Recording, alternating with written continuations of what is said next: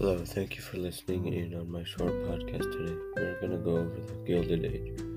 We're going to talk about robber barons and captains of industries. A robber baron is a business owner that has become rich for being ruthless. Basically, the money they made from owning a business would go into their pocket and spend it on personal things. A captain of industry, on the other hand, is also a businessman, but they become rich by doing the complete opposite.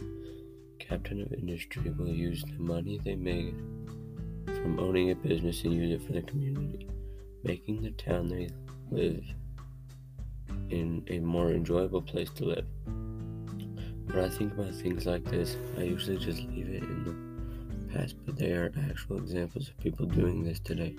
Michael Bloomberg is a huge example of a robber baron. He owns his company and uses it to make himself wealthy.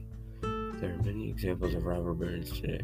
One example of a captain, captain of industry is Donald Trump.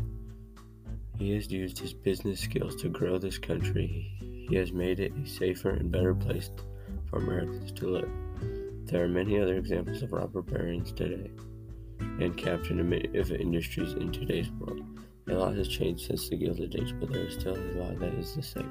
In the Gilded Age, there was a a lot of small companies that would go out of business because big businesses would take over.